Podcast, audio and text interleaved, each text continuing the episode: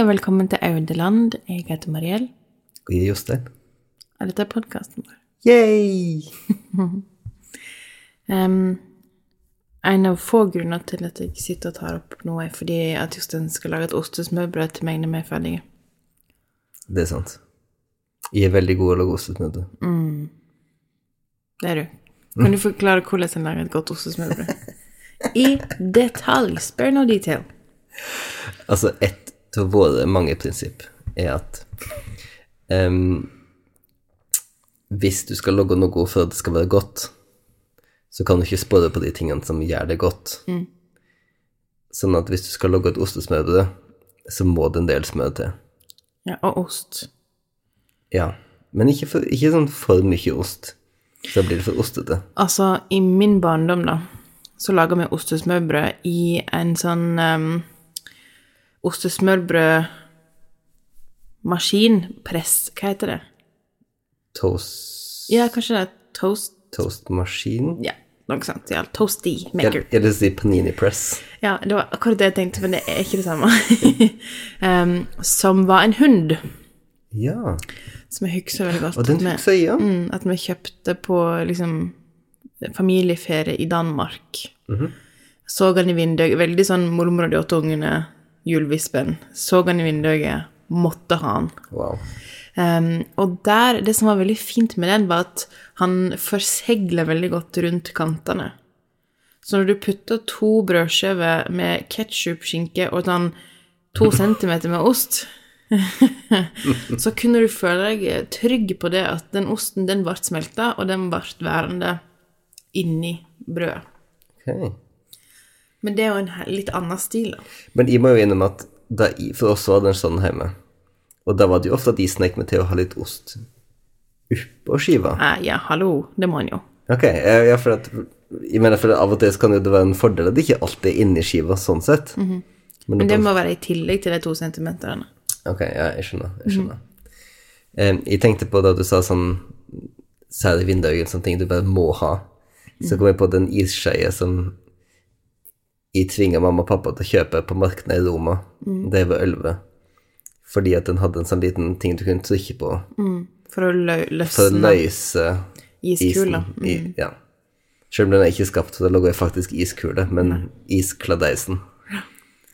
Så jeg, jeg bare følte det her The next level. det her, det her er det jeg mangler. Dette her er kontinentet. Hvor gammel var du igjen? Ølve. Det her er liksom teknologiske framtider for kontinentet. Sånn har de her. De kan så mange ting som oss bare ikke forstår her på kontinentet. Og det som er morsomt, er at en innser jo i voksen alder at det er jo den modellen isskei som diplomis laga på 80-tallet, som er den beste modellen. Jepp. Perfekt. Kan ikke forbedres. Nei. Men tilbake til ostesmørbrødet ditt. Ja, unnskyld. Ja. Jeg ble helt distrahert. Jeg vet. Jeg er så vakker. Jeg, jeg, jeg, tenkte det var distrahert av den historien Ja, ja, ja, Nei, nei, men, men, Nei. men de skjønner jeg. Det er Ja. Blendende, tenkte du på? Blendende. Ja. Mm. Jeg lover, det skal dusje òg etterpå. Men jeg kjente ikke luftet, det var Nei, ikke det. Nei. Fortsett. um, eh, ja, og så er jeg om at en må ha smør, og så må en jo ha rett type brød. Porøst brød. Ja. Smøret må kunne gå en plass. Altså sånn veldig nordisk rogtungt brød er jo ikke ideelt, spør du meg, Deal-breaker. til ostesmørbrød. Da kan du bare la være. Da vil jeg heller bare ete en ost ut av kjøleskapet. Um, jeg prøver å være diplomatisk. Um, så det er ikke ideelt. Derimot så er et, et sterkt og solid surdeigsbrød ideelt. Og du har jo tilfeldigvis baka dine livs beste surdeigsbrød akkurat nå. Jeg er ganske fornøyd. Sånn at um, virke og sa å jobbe med er veldig godt. Faktisk så drev jeg og Nå kommer det enda en digresjon i denne, i denne oppskriften. I det, av en eller annen grunn så drev jeg og så over eh, arkivet mitt eh, på Insta-stories fra januar eh, i fjor. Ja. Og så av en eller annen grunn så bare fortsatte jeg å se. Fordi jeg syns at livet vårt er så interessant. Det er Um, og da kom jeg plutselig til 14. mars, den første gangen jeg satte den surdeigen. Eller altså den for dag én. Det var sånn OK, this covid thing. det skjer. Um, Og jeg er jo en prepper. det. Er du. Og jeg visste at liksom, i andre land begynte det å gå tom for gjær. um, etter bare sånn tre dager av pandemi eller noe sånt. Så tenkte jeg OK, her må vi faktisk gjøre noe. Det var veldig fint å se tilbake og se hvor uh, veldig sånn prøvende, usikker Jeg liker jo ikke å gjøre ting jeg ikke kan framfor folk. Nei. Um, men det var en veldig fin og trygg tid på, på internett. Alle var så hjelpsomme. Apropos, hvordan går det med strikkingen din nå? Det går ikke bra. Har du strikka noe fint i det siste? Nei, men ikke, ikke det siste, og ikke tidligere før det heller. Men, men der føler jeg at litt av problemet var at det ble eh, feil, og så måtte en rekke opp igjen, og så da hadde en på en måte ingenting igjen. Men hvis du lager et sånn halvbra surdeigsbrød, så kan du i hvert fall ete det. Det er helt sant. Sjøl om jeg har av og til hatt liksom sånn heartbreak på virkelig mislykka surdeigsbrød som jeg har laga. Sånn før, den seriøse runden nå, men i de ymse surdeigforsøkene jeg har satt i årene før. Og At de liksom har insistert på å ete sånn knallhardt surdeigsbrød fordi at tanken for meg på å kaste så mye mjøl Det sitter skikkelig dårlig med meg. Jeg er liksom så strengt opplært å ikke kaste mat, sånn at eh, for meg å kaste en kilo mjøl, liksom Det er Eller en halv kilo mjøl, men det er skikkelig vanskelig. Ja, og det skal det jo være, tenker jeg. Eller, og når en liksom har lagt arbeid i det, så sitter det ekstra langt inne. Absolutt. Men um, det sitter ganske solid inni kroppen din nå hvis, du- ja. hvis du er et surdeigsbrød som Ja. er helt mislykka, som Ja. ikke er heva. Det sitter der fortsatt flere år etterpå. Um, nei, men hvis jeg har en skalk med surdeigsbrød som er liksom helt tørr ubrukelig, uh, burde egentlig kastes, eh, så legger jeg den i bløyt, og så lager jeg krutonger ut av den. Og så da, bruker ikke jeg de krutongene til noe, jeg bare eter det som de er, for det er veldig godt med snacks. Um, Eller, eller hvis toåringen vår får tak på dem, så, så er det som aldri at åt en vet ikke, 300 gram med krutonger for noen uker siden. Men Og de er ganske svidde òg. ja, tilbake til ostesmørbrød. Hva var det snakk om? Brød. Ostesmørbrød. Ok, så nå er etablert at en må ha både smør og brød til et ostesmørbrød. Um, da kommer vi liksom på innsida da, til ostesmørbrødet. på innsida. I enjoy that. Ja, det så ha ost. og så er det jo for litt ulike tilnærminger um, til spørsmålet om saus. Nei, nei, stopp ost. Hva slags ost bruker vi Hva slags ost bruker vi ikke i et ostesmørbrød? Helst cheddar. Helst cheddar, men altså, vi bruker det veldig mye, den osteblandingen fra Tine som heter Fire oster, der det er mozzarella og Jarlsberg, og er det en cheddar i der? Det er ikke en, det er ikke en cheddar i min bok, i hvert fall. Nei, men det står på pakken, tror jeg. um, men jeg foretrekker iallfall å bruke reveost og ikke skiveost til ostesmørbrød. Det var en given. Nei, Jostein, her må en ikke ta noe for gitt.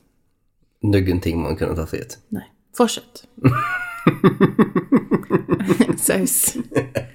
Kondiment. Enten en sennepsbasert saus eller en tomatsausbasert saus. Saus. saus. Er det for meg. Jeg og du kan jo snakke en halvtime bare om sennep, men vi skal ikke gjøre det nå. Vi skal ikke gjøre det nå. Men, men hvis de liksom har eksempel en god skinke, så går de gjerne ned den um, skinke, dijon-sennep og uh, urte, les, Galeien. -hmm. galeien. Gjerne det. Uh, men oftere så er det jo kanskje en enten ketsjup, men helst ketsjup i hop med noen andre condiments. Så igjen eksempel nå den fra butikken, de Pelagonia-produktene fra butikken, Aivar eller Lutenica. Mm. Lutenica er min favoritt. Liksom litt ja, spicy. Mm. Eller, Møte osten på en god måte. mm, mm, mm. eller av og til mikser jeg mine egne sauser. Crazy. Og så kan den ha kjøtt, kan den ha parmesan, kan det være. Ofte litt lauk. det er en annen type. Og så er det ikke for mye ulike typer fyll og sånn. Det er ikke så mye tull. Du skal kunne òg presse det ned uten at det liksom tyter ut alt i panna. Ja, det er For viktig. er jo nøkkelen. Vi steiker jo ikke disse ostesmørbrød i ovnen. Vi steiker dem i panna. Selvsagt. Double decker. Double decker. Tynne skiver er også veldig viktig. Det klassisk innvending gjennom Mariella. Skal det, du, Mariella, skal det kake? shade of it all. Fordi at hvis du har et ostesmørbrød som er liksom fem centimeter tjukt, Ha litt ambisjoner, Jostein. det går bare ikke an. Så du må skjære. En må skjære tynt, og så må den presse ned. Ja. Eller så kan en bare get over it. Men det er akkurat der det er viktig å ha et litt solid surdeigsbrød, for det tåler å bli pressa ned. Det har strukturell integritet. Og det har heldigvis jeg òg. Heldigvis. Jeg føler at det her er en sånn der eh, veldig London-ting som sitter sånn att i oss. Det at oss har veldig lyst til å, å bruke enorm mengde energi på de her eh, gentrifiserte liksom fast food-aktige maten. Altså, det er ganske mye tid jeg har brukt på Broadway Market og stå i kø for å ete liksom ei bratwurst som du kunne kjøpt liksom i ei bod i Berlin. Eller et ostesmørbrød da, som var den siste liksom crazen rett før vi flytta. Husker du haggis-ostesmørbrød? Nei. no thanks. Men ja, det var definitivt Det, det, det er sant, det var, det var den siste før vi flyttet. Det var det som at gourmet-ostesmørbrødene kom. Men gourmetburgeren var jo en gigantisk ting gjennom hele vår periode i, i London, liksom. Så morsomt at du, snakker, at du snakka om London plutselig, fordi de siste par ukene, spesielt den siste veka, så har jeg kjent så veldig på eh, at du vet når en lever, du vet når en lever i en global pandemi, Ja. Ja. så følelsen av liksom håp er så himla i fluks hele tiden. ja. Så at en liksom kan tenke sånn Ok, nå har vi sånne mutantvirusgreier som eh, virker som de er som amok, men så sier jo alle andre at Nei, men egentlig jeg tar det på vegne av det, bare virker. Men ja. Det er bare det ordet mutant som sitter litt dårlig med altså. Ja, eh, mutant tenker jeg at det kunne spart seg for. Ja, fordi at Kan ikke si som utvikla. Litt sånn Som en Pokémon. Ja, som en Pokémon, det er det jeg tenker. Ja. At det liksom er, er Next level. Jeg prøver å komme på en liksom en Nei, du kan ikke Pokémon, vi går videre. -hmm. Jeg visste at det var det du skulle si. Men uansett. um, så den siste veka har jeg bare sånn sakna byene mine så veldig. Eh, og det har litt en sammenheng med at vår kjære venninne Frøy reiser tilbake til København. Og um, det er jo ikke gøy der heller, liksom. Og da har jeg vært litt i en sånn tankespiral som har vært litt destruktiv om at Og som jeg veit hvor privilegert det her høres ut, og hvor liksom sjølsentrert det høres ut, men jeg er så redd for at disse byene ikke er mine byer lenger når dette er over. Altså, nei, det er ikke nødvendigvis sånn at jeg er kjempebekymra for at København liksom endrer seg dramatisk, men, men liksom Italia og Frankrike og andre plasser der med London, ikke minst, der Hvordan ser det ut, liksom? Jeg føler at Hvor mange av plassene våre Ja, hvor mange av plassene våre har overlevd?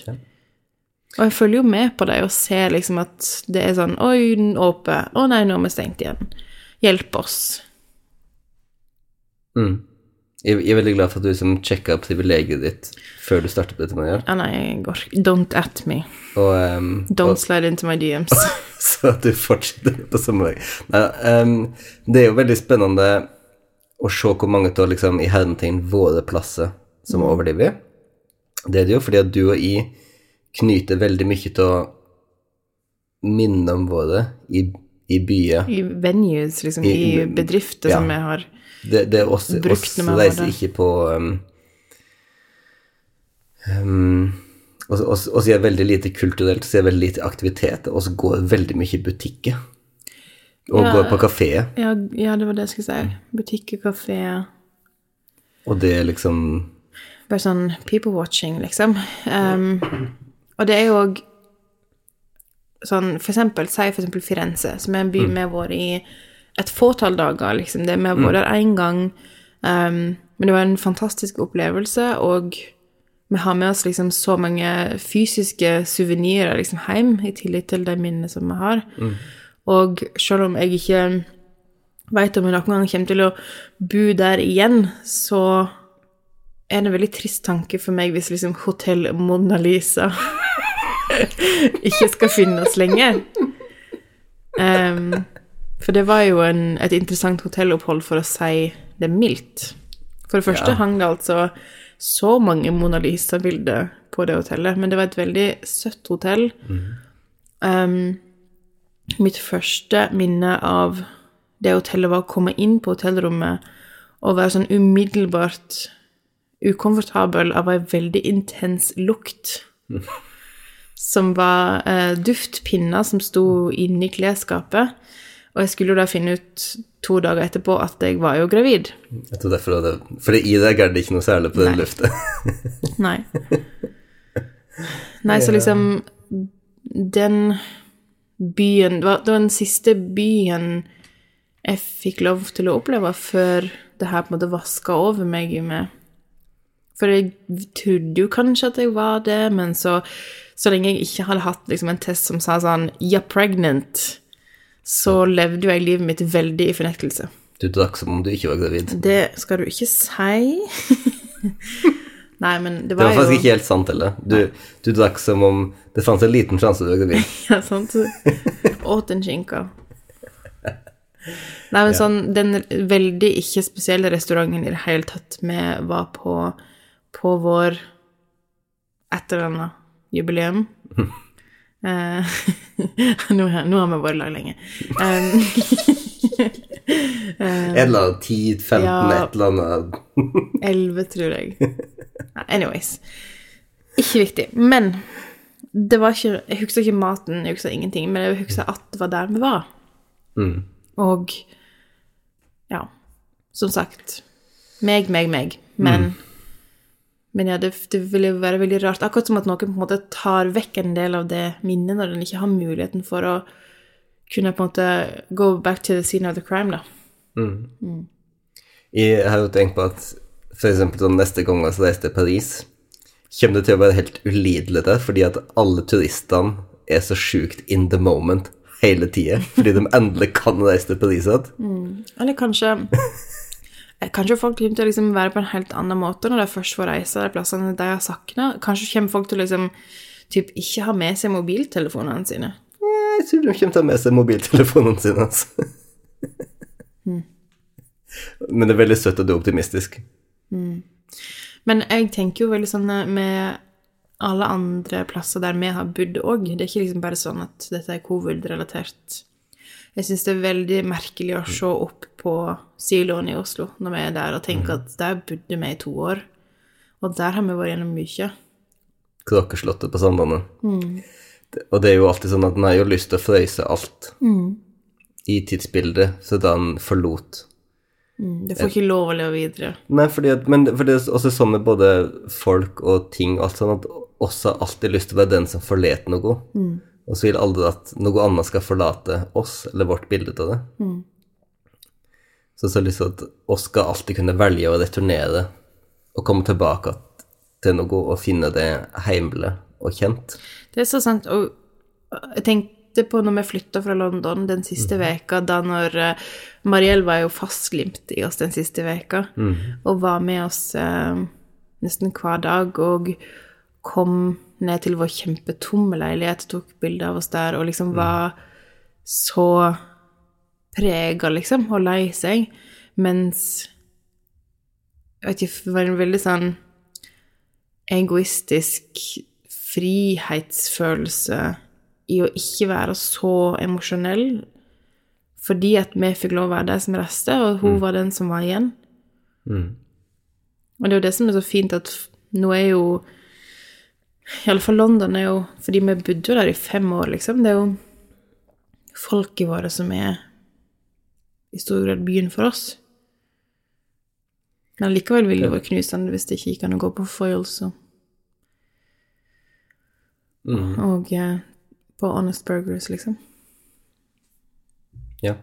Jeg har jo også sakna byene våre i det siste, og jeg har jo da tatt en konsekvens av det og endelig kroppet til korset og bestilt meg abonnement på Monaco.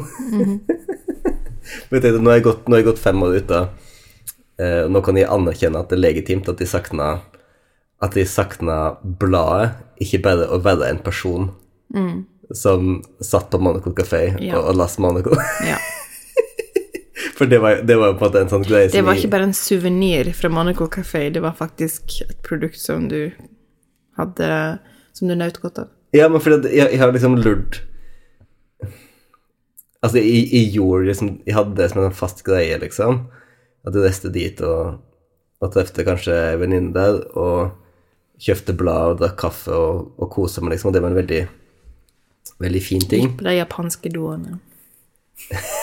Kose meg på de japanske doene. Em, og så kom jeg liksom hit og begynte på et annet liv.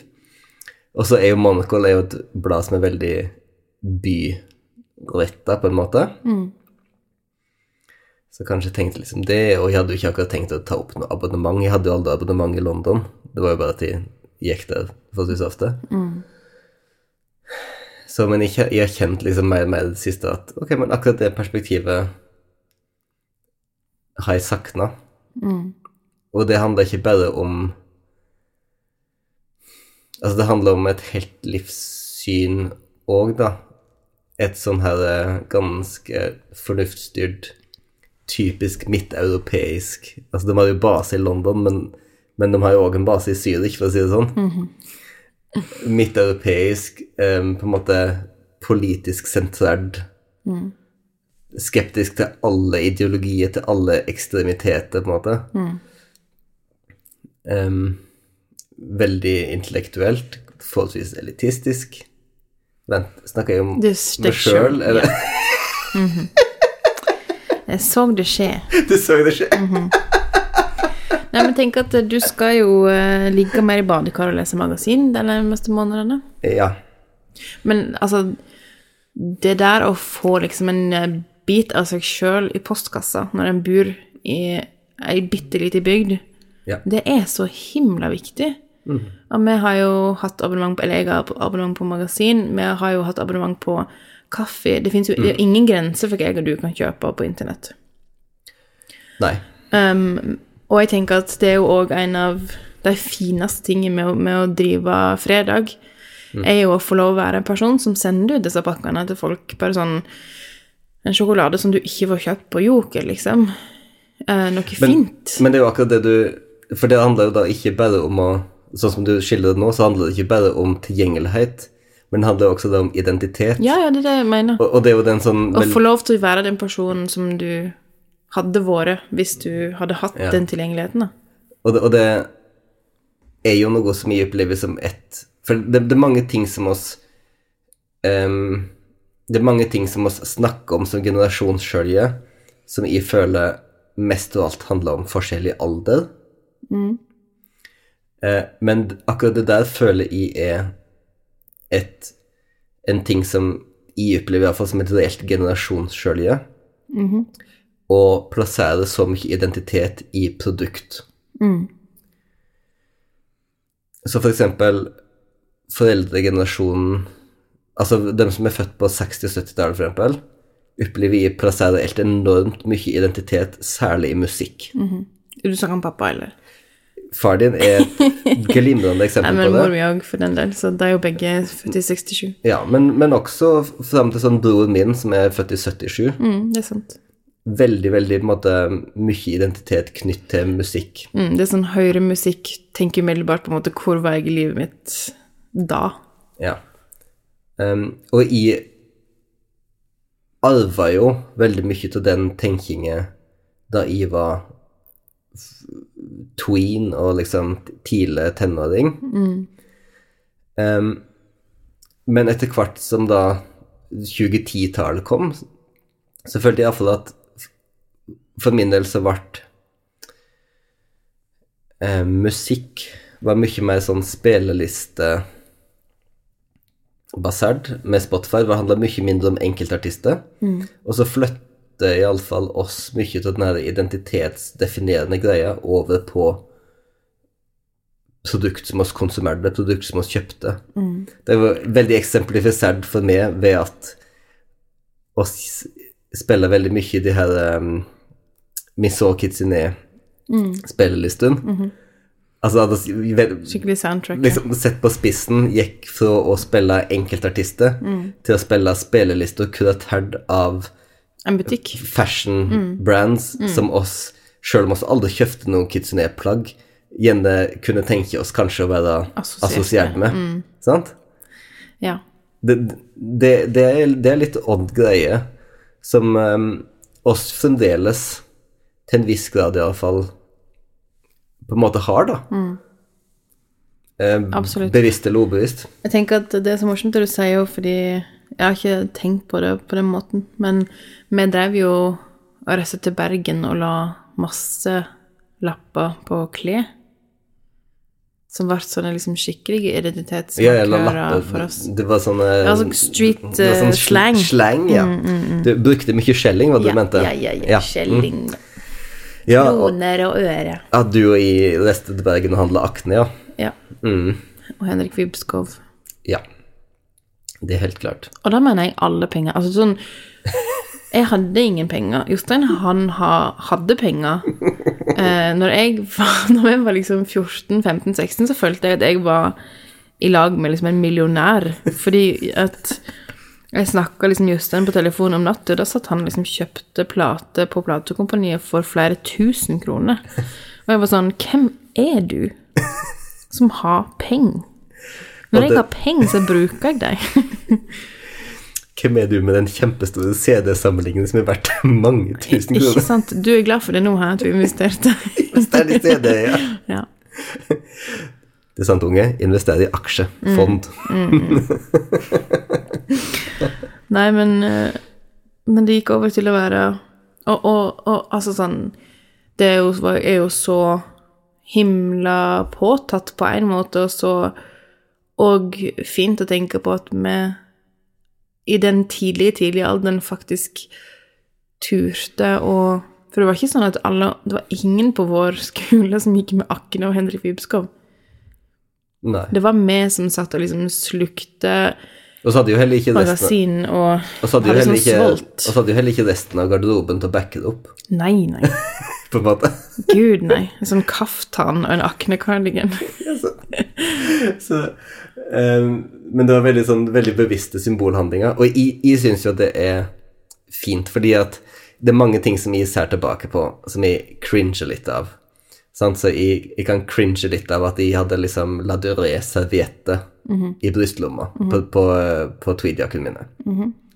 Men samtidig så Sjøl om det kanskje både da og nå framstår og sto som liksom påtrykket, så veit jeg at det var så ekte, da. Det ønsket om å og du har jo virkelig respekt og liksom admiration for et eh, establishment. Og det er derfor jeg liker liksom å handle bøker Altså, jeg handler heller bøker via post hos eh, Shakespeare Company, Don't Books, Foils, fordi de er institusjoner. um, altså sånn det, det føles bra å assosiere seg med bedrifter som får en til å føle seg bra og på en måte grounded på en eller annen måte. Det er liksom noe som er så, så stort, og som så mange andre òg forholder seg til, men som ikke nødvendigvis er liksom crazy eller noe. Det er ikke sånn at noen av disse tingene er liksom um, på noen slags fløy eller altså sånn Det er ganske vanilla, alt sammen. Men Passer er det ganske vanilla. Ja, absolutt. Absolutt. jeg er ikke så sikker hvordan jeg kommer inn på dette. Nei, men, men jeg tenker jo det at Det handler bare om den ville følelsen. Jeg, jeg husker for eksempel Noe som er fint. Nesten alle mine sånne små Penguin Great Ideas-bøk er fra Don't Books. Fordi at for meg så var det noe å, å gå inn i et av de vakre, en av de vakre bokhandlene. Det er noe med en magisk bokhandel. Ja, men sånn, å gå inn i en sånn lyst til å være der i timevis. Å gå inn i en sånn vakker bokhandel og så se over en katalog av ideer, av klassiske ideer, og plukke ut ok, et par av dem.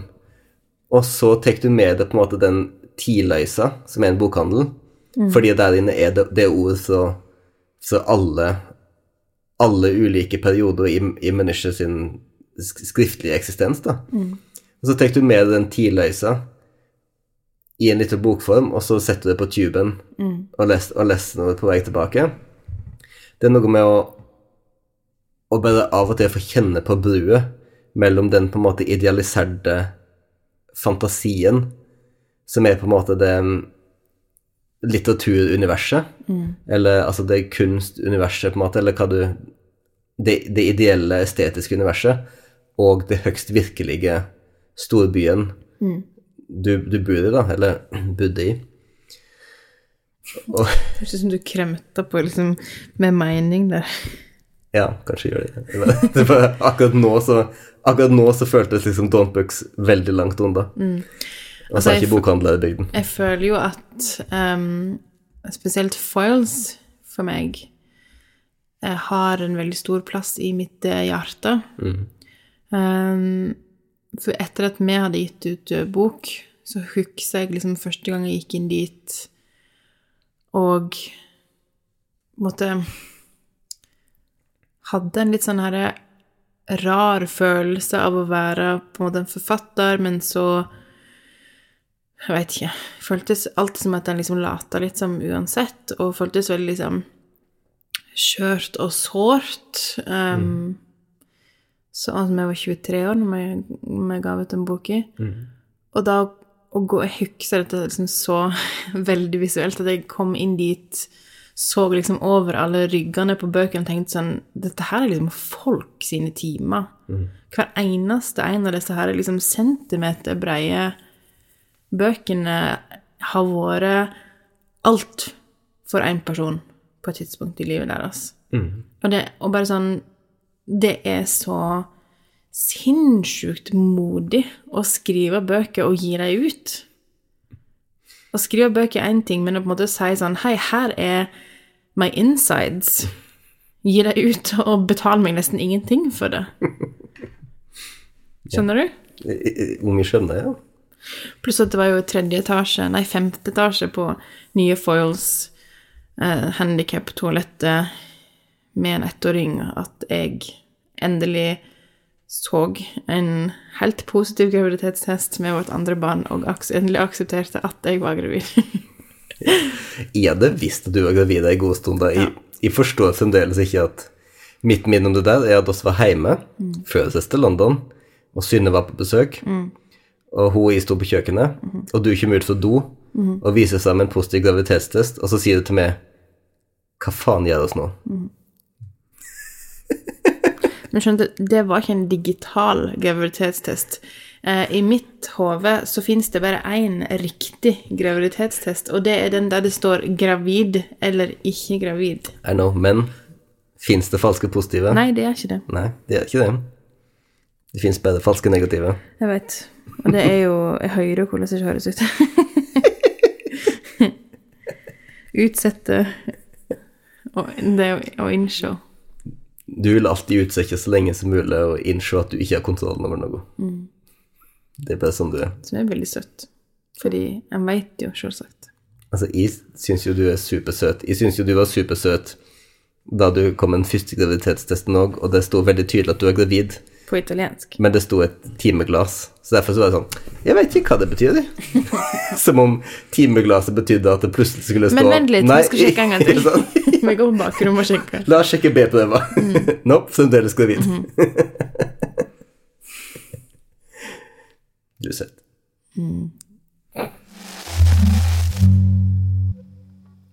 Mariell, Mm. hva er bra akkurat nå?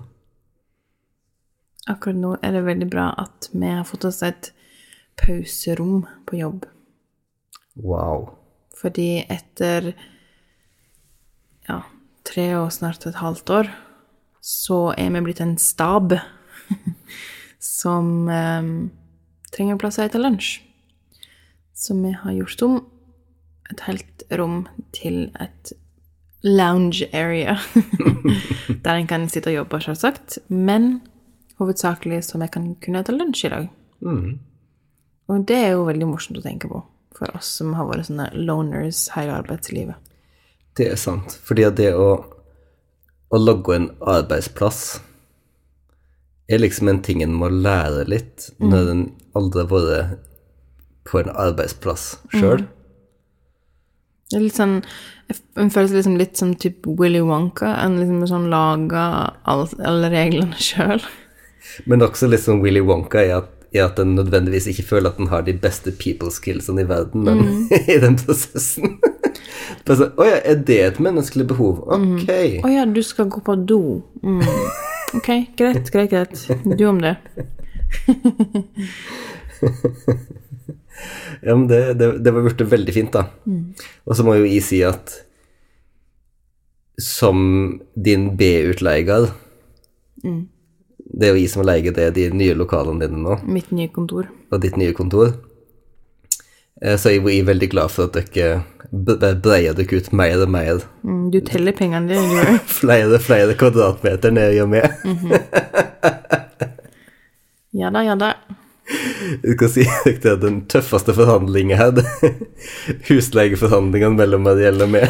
Eh, husleieforhandlingene våre foregikk gikk slik. Jostein sier til meg et helt latterlig antall kroner han vil ha. Eh, så sier jeg til foreldrene til Jostein Hei, Jostein sier han vil ha dette husleie, det er helt urimelig. De sier ja, det er helt urimelig. Eh, Jostein går ned på husleie. Jeg sier til mammaen og pappaen Ja, jeg det gjorde det.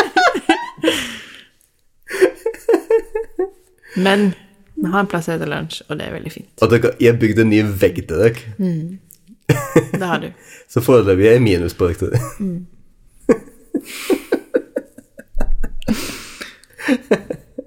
det er fint å ha en plass etter lunsj, da. Har du et gift emne, eller? Hva er det, da? Jeg skal spørre deg. Ja.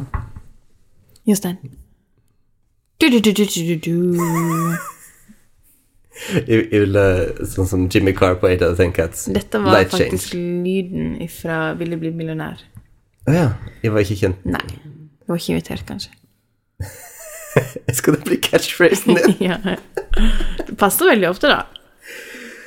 Men Ja. uansett. ja. Um, det dype emnet. Mhm. Er du klar for det? Ja. A, B Nei.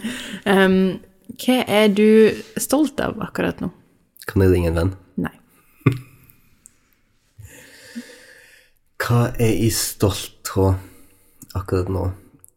Um, jeg er litt stolt av at jeg føler at jeg klarer å jobbe med meg sjøl på en meningsfull måte, og liksom få det litt og litt bedre.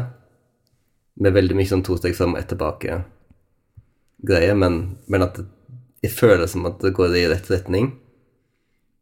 Og det er jeg veldig stolt av, egentlig. Um, fordi det har ikke alltid vært sånn, og ofte har det bare føltes veldig statisk. Eller at det bare går i periodevis, og de føler meg litt bra eller litt dårlig. Du må forklare hvordan. Nei, men altså Jeg vet ikke hvor mye det er å forklare, men liksom Jeg har ofte hatt det liksom Følt meg veldig dårlig med meg sjøl og følt at uansett hva jeg får til, liksom, så er det ikke verdt noe å gå Og at det liksom Ja. Og dessuten skal nå alle dø til slutt uansett.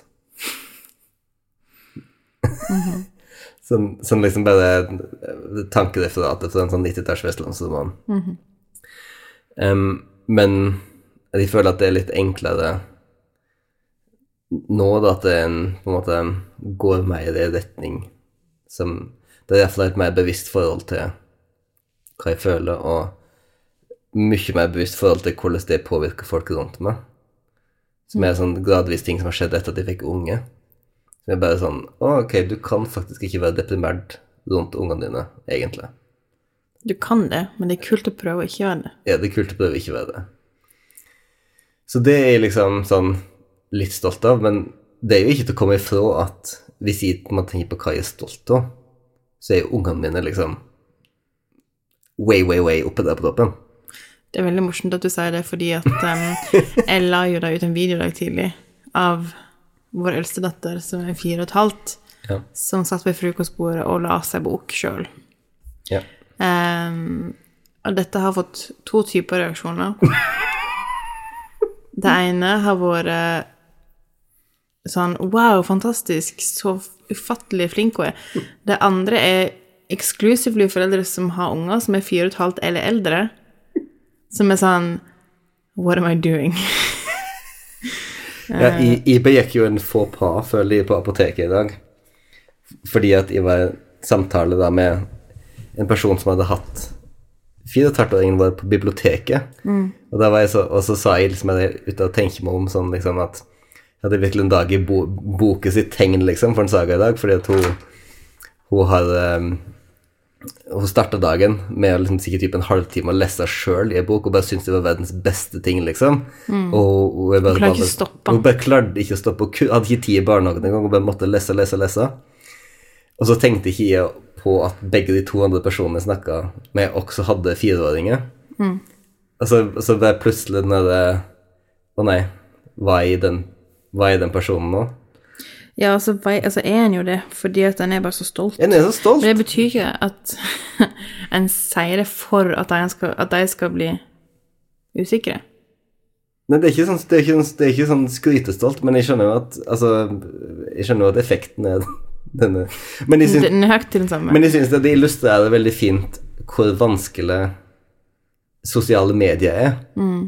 Fordi at så mye av det som av det skadelige innholdet som blir lagt ut på sosiale medier, blir ikke lagt ut med Nei, nei. en, en dårlig intensjon overhodet. Um, og det gjelder jo selvsagt ikke bare, bare foreldre. Det gjelder jo liksom alle, ty Folk alle som snakker om hvordan de lever livet sitt. Ja. Mm. Så det er sant, for det er jo det, det, er jo det som er. Folk legger ut om hvordan de lever livet sitt, og folk som er pene og vellykka, følger det fordi at folk har lyst til å se hvordan de lever livet sitt. Um, men så blir den plutselig skadelig, og så um, Men jeg, jeg, jeg kommenterte jo det For det er ganske nylig så la du ut med en bok som du drev og las, på Stories. Og så bare sånn med en gang etterpå la du ut en sånn det er nærmest disclaimer, som er sånn You know, jeg hadde lyst til å legge ut en bok i lass. Jeg vil også bare si at det er ikke representativt for livet mitt. og jeg har også sett hele Sex and City de siste tre ukene. Og Siste tre dagene. siste tre dagene. og driver nå og ser opp på de episodene som jeg hadde kunnet ja. um, Sånn at Og det var jo, syns jeg, en veldig fin måte å bare liksom eh, passe på, da. Rolle seg i den Men det er, det er Situasjonen. mye vanskeligere når det har med ungene å gjøre. Veldig vanskelig, og det er jo også litt usexy å måtte liksom ha en trigger warning hver eneste gang du har lagt ut noe som kan samstå som vellykka. Altså Og det altså sånn Jeg får jo lyst til å bare være sånn Vi har jo ikke for, Fordi folk har spurt meg sånn hva, Hvordan har de ikke fått henne til å lese så tidlig? Hun bare er veldig interessert i Og har alltid vært veldig altså, Jeg er ganske sikker på at vår eh, yngste datter kommer til å være ei helt anna når hun er fire og et halvt. Em, men unger er bare har forskjellige interesser. Men også foreldre har ulike interesser. Så Absolutt. vår eldste datter er helt ubrukelig ved en fotball. Mm. mener, Jeg og, og, og, en, og, en fetter som er ganske god å lese, som også er veldig god å spille fotball. Mm. altså, det er liksom ikke Det er bare at unge er gode til ulike ting, og det fortsetter du med, og det er du også Mm. Ja. voksen nå, liksom. Men det skal de jo. Det er sånn at, you know oss er jo to brilleslang her og sitt. Mm. Og så og så liker bøker og lese ting og. Mm. Det kommer jo til å smitte over på ungene våre. Ja, Og så skjønner jo de De skjønner jo hva de skal gjøre for at en skal være stolt og være imponert. Jeg føler akkurat det. At, eh, at eh, de, de merker jo våre ubevisste reaksjoner på ulike ting de er flinke til, eller ikke flinke til. Så det er det ikke så mye å få gjort med, da. Ikke så lenge det Men det som, men det som, føles sunt. men det som det kommer inn på det her, er jo på en måte det som du har snakka om mye i vårt forhold, nemlig den um, oppfatninga av hva som er status å være flink til, og, og ikke. Fordi at du hadde jo den greia med at liksom Det var ikke det at du var i tvil om at du var like smart som meg, det var bare at jeg var smart på ting som var mer status enn det.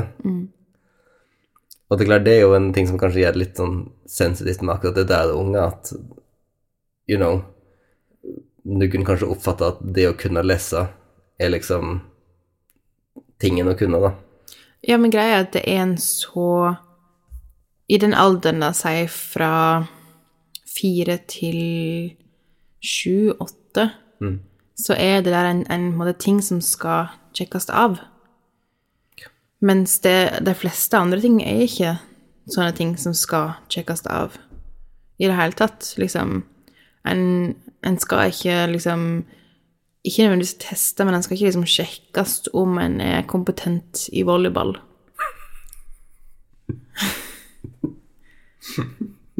Så jeg tror det har litt med det å gjøre òg. At liksom Hvis en er flink i matte, hvis en er flink Hvis en kan Altså, du kan kunne så mye du vil om, eh, om lastebiler og gravemaskiner, men det blir likevel mer rewarded hvis du kan mye om dinosaurer, fordi at det er en ting du skal kunne om på skolen. Dinosaurer?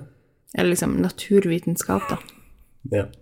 Selv om det er samme liksom nerderi som går inn i Det er bare slå, interesser som slår ut.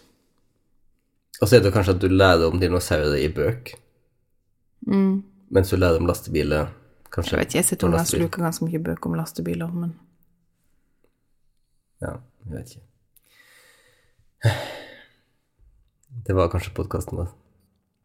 det var det. Nå må jeg bare legge oss med det.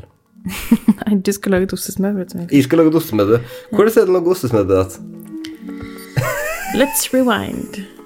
Ok. Ha det godt, da. God helg. God helg.